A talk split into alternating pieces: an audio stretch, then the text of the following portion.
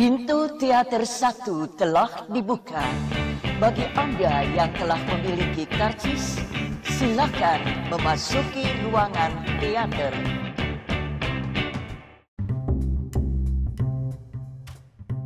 Baik lagi sama gue Mustafa di podcast habis nonton film. Gimana kabar kalian semua yang lagi dengerin?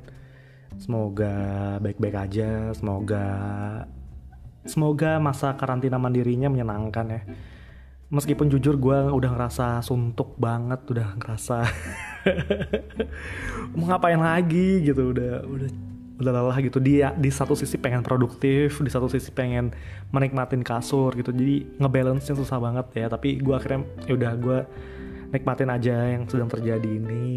Bantu pemerintah bantu masyarakat untuk tidak menularkan atau tertular. Jadi buat kalian yang masih sering keluar tapi nggak ada tujuan penting di rumah aja ya kita physical distancing dulu. Buat lo yang lagi kerja, yang tetap sibuk kerja di kantor, semangat, uh, wabah ini akan segera berlalu.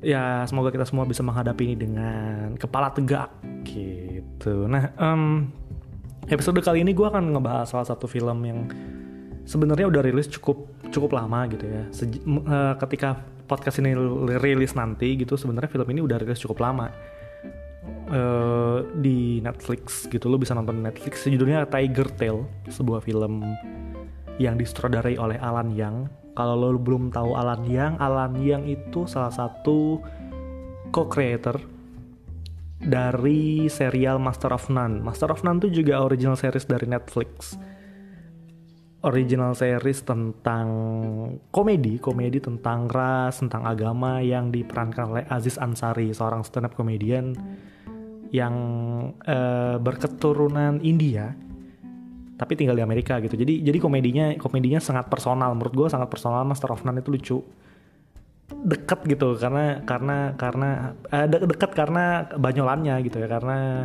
ada unsur Asianya gitu. Nah tapi berangkat dari sana uh, Alan yang ini dikasih green light untuk bikin film panjang.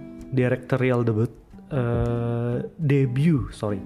Directorial debut berjudul Tiger Tail durasinya satu setengah jam yang menceritakan tentang ayahnya terinspirasi oleh ayahnya uh, ketika masih kecil hingga ia tua gitu. Jadi sangat-sangat terinspirasi dari dari ayahnya si Alan yang ini gitu. Nah ceritanya sendiri adalah si ayahnya ini merupakan seorang warga Taiwan ya. Kecil udah lahir dan dibesarkan hingga uh, dewasa di Taiwan gitu dengan neneknya. Uh, eh, de pertama dengan neneknya terus beralih ke ibunya gitu. Karena sebelumnya ibunya harus bekerja jadi dia cuma ditinggal di asuh sama neneknya terus akhirnya ibunya sendiri yang jaga gitu. Nah si karakter utama kita ini si siapa tadi namanya? Pinjui. Si Pinjui ini punya mimpi untuk untuk bisa tinggal di Amerika. Karena ya ada ada semangat American Dreamnya gitu. Ada ada ada ketertarikan personal uh, si Shinjui ini untuk untuk bisa tinggal di Amerika karena dia sangat menyukai pop culture gitu ya. Kalau kata sutradaranya Alan yang sih gitu. Tapi gue nggak meskipun gue sebenarnya nggak menangkap uh, ketertarikan itu secara secara besar gitu. Gue nggak gue nggak ngerasa nggak ngerasa betapa si karakter ini apa apa dorongannya untuk tinggal di Amerika. Itu tuh itu tidak tidak tergambarkan dengan dengan dengan jelas gitu. Tapi tapi si sutradaranya bilang langsung dia itu sebenarnya karakternya pengen banget jadi pengen banget tinggal di Amerika gitu. Gitu. Nah uh, jadi jadi sebenarnya tentang tentang seorang seorang ayah seorang laki yang yang dihadapkan pada keputusan uh, apakah menjalani hidup sebagai seorang warga negara asing di Amerika itu adalah sebuah pilihan yang tepat gitu. Apakah itu membentuk hidupnya yang lebih baik? Itu itu sebuah pertanyaan besar yang dijawab eh yang berusaha untuk dijalankan si karakter utamanya nah format filmnya sendiri adalah sebenarnya kayak dongeng kayak dongeng si orang tua kepada anak perempuannya. Karena uh, film ini menggunakan narasi dari si bapak. Suara jadi film ini itu mulai hingga akhir filmnya itu dinarasikan oleh seorang suara laki-laki tua yang itu akhirnya menjadi si Pinjui versi tua gitu ya. Ya 50% di sana lah, 50% si Pinjui Pinjui. Nah, jelek banget ya manggilnya. gua nggak maksud rasis tapi ngomong Pinjui itu lucu aja. Pinjui kayak orang Betawi ya Pinjui. Aduh kayak nama panggil orang Betawi. Nah, eh, lanjut lagi si Pinju ini menarasikan cerita hidupnya gitu, potongan-potongan potongan-potongan cerita masa lalunya yang dicoba dikaitkan lagi dengan kehidupannya sekarang gitu. Apakah pilihan gue saat ini tepat? Berusaha untuk menggali ke berusaha meng, untuk menggali lagi kenangan-kenangan itu. Gitu. Jadi jadi karena ini ber, karena ini ngomongin soal kenangan, ngomongin soal apa ya? uh, refleksi, ngomongin soal keputusan, ngomongin soal renungan. Jadi jadi emang eksekusinya lambat.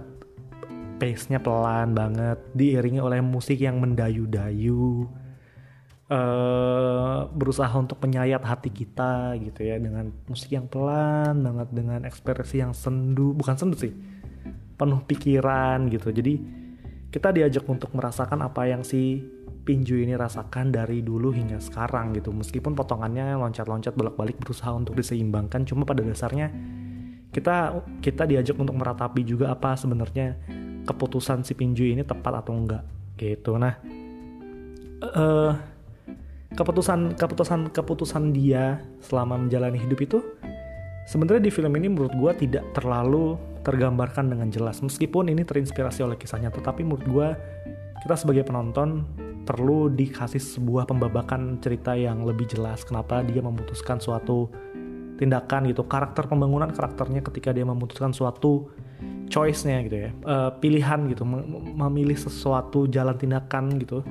Jalan tindakan ribet banget ngomongnya. Memilih sebuah tindakan. Memilih sebuah tindakan itu benar atau enggak. Dan alasannya kenapa?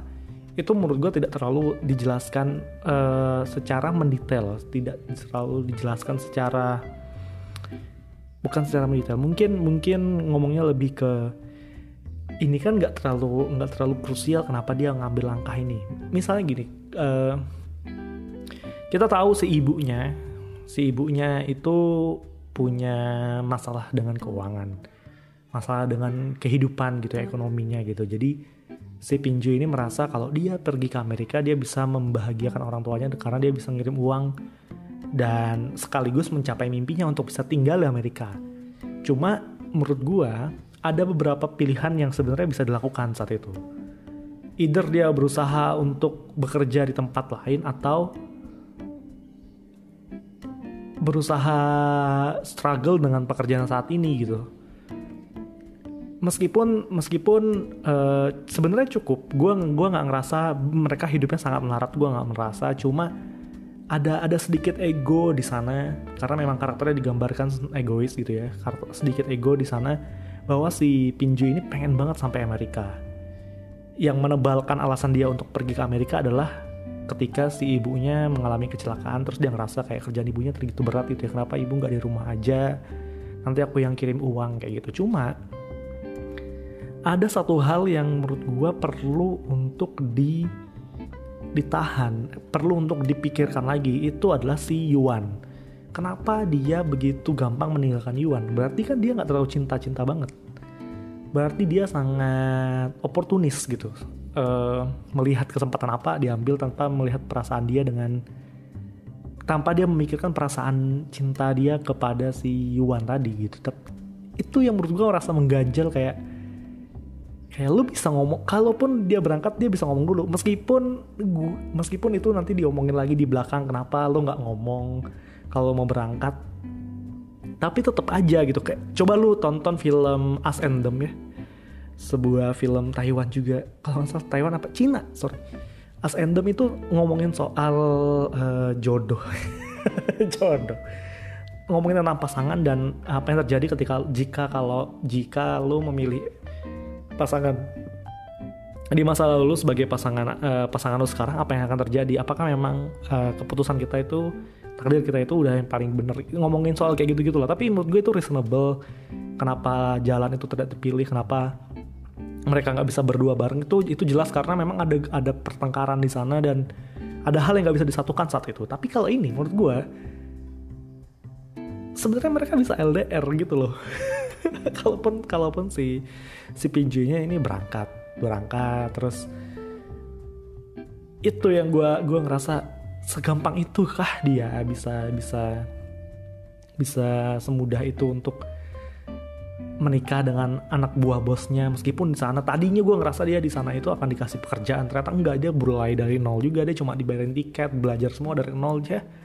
Nggak worth it menurut gue nggak worth it. Itu meskipun gue gua nggak tahu apakah cerita aslinya atau karena ini terinspirasi ya bukan diangkat dari kisah nyata terinspirasi aja gue nggak tahu apakah di realitanya emang ada yang kayak gitu tapi gue nggak tahu. Jadi gue belum jadi gue agak ngis eh mungkin ada kali kayak gini. Cuma ya telah secara secara secara wah ada pesawat lewat. Secara uh, keputusan tuh gue masih masih belum cocok gitu. Jadi jadi itu sih uh, benar gak sih kayak kalau lo udah nonton filmnya kalau lo belum nonton coba tonton. Samain nggak kita persepsi kita atau uh, komentar kita sama nggak soal ini? Nah terus itu itu itu yang sedikit mengganjal di gue keputusan-keputusan itu sedikit mengganjal. Terus sebenarnya ada beberapa hal juga yang sangat tepat digambarkan di sini. Gue udah sering bilang kayaknya di episode-episode lain tentang betapa orang timur itu berbeda dengan orang barat secara culture, secara budaya ketika mengekspresikan perasaan.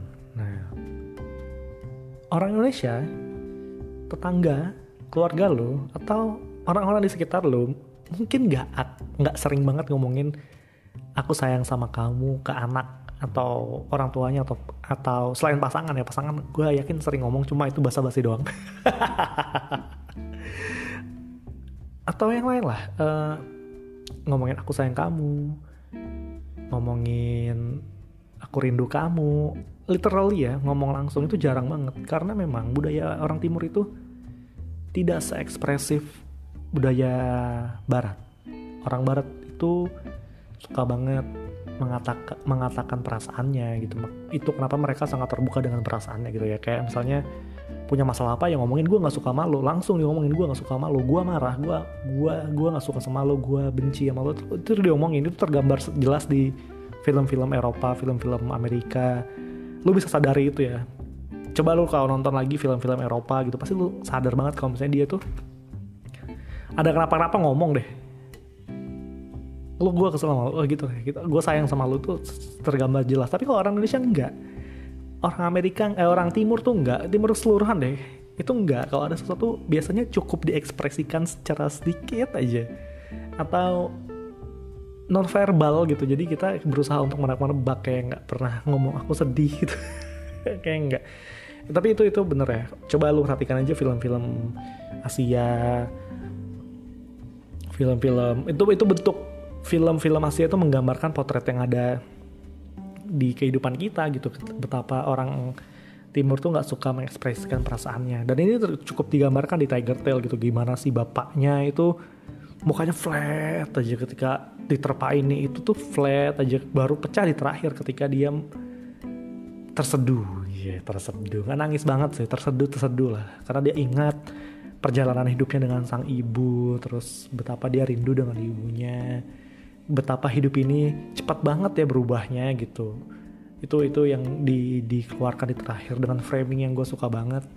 Mengerucut gitu ya kayak ya kita diajak untuk fokus ke mereka berdua dengan dengan foreground situasi foreground rumah yang situasinya udah jauh berbeda dengan pertama kali mereka tinggal di sana.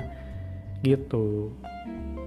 Terus itu tadi soal orang timur yang susah berekspresi uh, tergambar jelas tergambar jelas. Terus ada satu hal lagi yang yang ini berhubungan sama yang tadi ya soal ekspresi yang tidak terlalu jelas di orang timur. Adalah karena ekspresi orang timur itu tidak terlalu ekspresi perasaan itu tidak terlalu diekspresikan akhirnya komunikasinya sedikit terganggu. Bener nggak? Kayak gue ngerasa ada beberapa gap antara gue dengan orang tua gue karena kita terbiasa untuk tidak membicarakan hal-hal yang bentuknya perasaan kayak misalnya aku sedang sedih, aku sedang marah, aku sedang jatuh cinta. Gue nggak, gue bukan tipe orang yang ngomongin itu ke orang tua gitu. Gue cukup pendam sendiri. Gue ngomongin hal-hal yang umum aja yang sering terjadi. Jadi hal-hal yang yang kayak gitu tuh jarang diomongin dan memang kayaknya hal-hal kayak gitu tuh jarang diomongin kecuali ke teman gitu karena keluarga ya, jarang nih kita tuh menutup menutup hal itu ke keluarga ya. Makanya kenapa gue suka film ini karena terasa dekat di beberapa aspek gitu. Soal soal keterbukaan komunikasi. Ya nggak sedingin yang ada di Tiger Tail cuma ada hal-hal yang kurang lebih sama lah. Kayak gitu. Nah di Tiger Tail juga kayak gitu. Dingin banget suasananya. Ngomong tuh jarang banget ya. Kalau itu sih memang karena dysfunctional dysfunctional karena memang karena memang si karakter bapaknya itu susah untuk susah untuk terbuka gitu. Terus karena dia hancur dari dalam kalau kata si Yuan kayak gitu. Kamu tuh udah hancur eh bukan kata si Yuan kata si Zen Zen ya. Si Zen Zen atau siapa tadi namanya sorry. Kata si itulah si istrinya Zen Zen. Kata si Zen Zen tuh dia sudah hancur dari dalam ketika dia pertama kali ketemu karena keputusan hidupnya salah. Cie keputusan hidupnya salah. Suka ngejudge ya. Nonton kayak kita nih suka ngejudge tapi itulah um, akhirnya ngerasa bahwa keterbukaan komunikasi itu penting banget. Bagaimana orang tua ke anak anak ke orang tua gitu. Jadi meskipun kehidupan si Pinjui dengan ibunya itu sangat menurut gue sangat apik ya cukup terbuka emosinya. Ya ada hal beberapa yang ditutupin kayak lu tahu uh, ketika si ibunya nanya kamu nih kayak gini gara-gara cewek? Eh, enggak kok. Nah, itu kan ada hal-hal yang ditutupi kan karena emang kita ter, terbiasa untuk kayak gitu. Menebak-nebak gitu. Ada ekspresi yang berusaha kita tebak-tebak satu sama lain gitu dengan orang tua atau adik kita keluarga itu jarang-jarang terbuka dan itu digambarkan. Cuma memang ketika si Pinju dengan orang tuanya itu masih cukup rapi masih hidup gitu ya kehidupan keluarganya. Tapi kalau ketika pas di ketika si Pinju jadi orang tua terus dia punya anak si Angela ini udah itu udah nggak hidup lagi. Bahkan Angela ngerasa seumur hidupnya dia itu nggak pernah punya orang yang bisa diajak bersanding untuk ngobrol untuk pahamin dia tuh. Itu nggak ada nggak ada dari si sosok ayahnya bahkan gitu. Ya cukup getir banget sih filmnya karena karena si Pinjui adalah bentuk dari penggabungan kultur timur dan kultur barat gitu. Dia diajak untuk beradaptasi di sana. Sedangkan Angela adalah bentuk produk bentuk produk. Sedangkan Angela adalah orang berkultur barat. Dia dia pengen banget di mengerti soal itu gitu. Diajak untuk ngomong tuh tuh dia pengen banget. Karena itu tadi gue bilang dia dia hadir di di sebuah budaya di mana perasaan itu diekspresikan perasaan itu diungkapkan gitu. Terus yang sebenarnya jadi meskipun si sutradaranya bilang yang di highlight di sini adalah bagaimana orang tua dan anaknya berkomunikasi terus tentang budaya tapi menurut gue yang dicoba dicoba digali di sini adalah dengan dari sutradara adalah kenangan-kenangan, penggambaran kenangan yang begitu vivid, begitu jelas. Uh, dia pun dia pun bilang gitu ya si Alan Yang ini bahwa dia terinspirasi dari film-film yang Wong Kar Wai, The Mood for Love, terus Happy Together, terus apalagi tadi dia bilang ya, Chungking Express, warna-warna kayak gitu dia terinspirasi banget. Secara visual secara pengadeganan sih enggak. Secara visual iya. Dan penggambaran masa lalunya itu jelas banget karena dia pakai 6 16 mm gitu ya. Kamera 16 mm dan gambarnya jelas. Karena dia pengen ngasih tahu kalau nggak salah dia bilang masa lalu itu bisa digambar bisa direkam dengan jelas banget gitu loh. Kayak gitu. Tapi menurut gue potongan-potongan memorinya menurut gue menarik sih kayak kayak apa ya kayak kayak hal-hal yang lo ingat tuh adalah hal-hal yang yang yang berdampak dengan dengan kita sekarang gitu. Jadi ketika misalnya nih dulu ketika dia sedang mendengarkan musik ketika dia sedang makan ketika itu dia dia ingat banget. Karena itu berpengaruh sama kehidupannya sekarang. Apalagi ketika dia meninggalkan si Yuan gitu ya untuk terakhir kalinya. Itu dia masih ingat gitu masih ingat apakah dia melihat si Yuan atau enggak. Dan si Yuan pun masih ingat juga karena karena memang memori digambarkan dengan jelas gitu. Nah gue suka sih penggambaran itu gue suka musiknya gue suka banget men. Gue suka banget musiknya. Lebay ya mungkin deh. Mungkin mungkin bagi sebagian lo ini musiknya lebay banget kayak ada sesuatu yang kayak Phantom Thread Phantom Thread gitulah gue ngerasa ya kayak anjing keren banget nih film. Cara musiknya cuma memang ada beberapa hal yang nggak dieksplor secara dalam itu karakter-karakter pendukungnya itu kehidupannya tuh nggak digali lebih dalam lagi. Karena memang yang difokuskan adalah kehidupan si orang si Pinju ini. Cuma sayangnya gue ngerasa kehidupan si Angela bersama suaminya itu bisa digali jauh lebih dalam.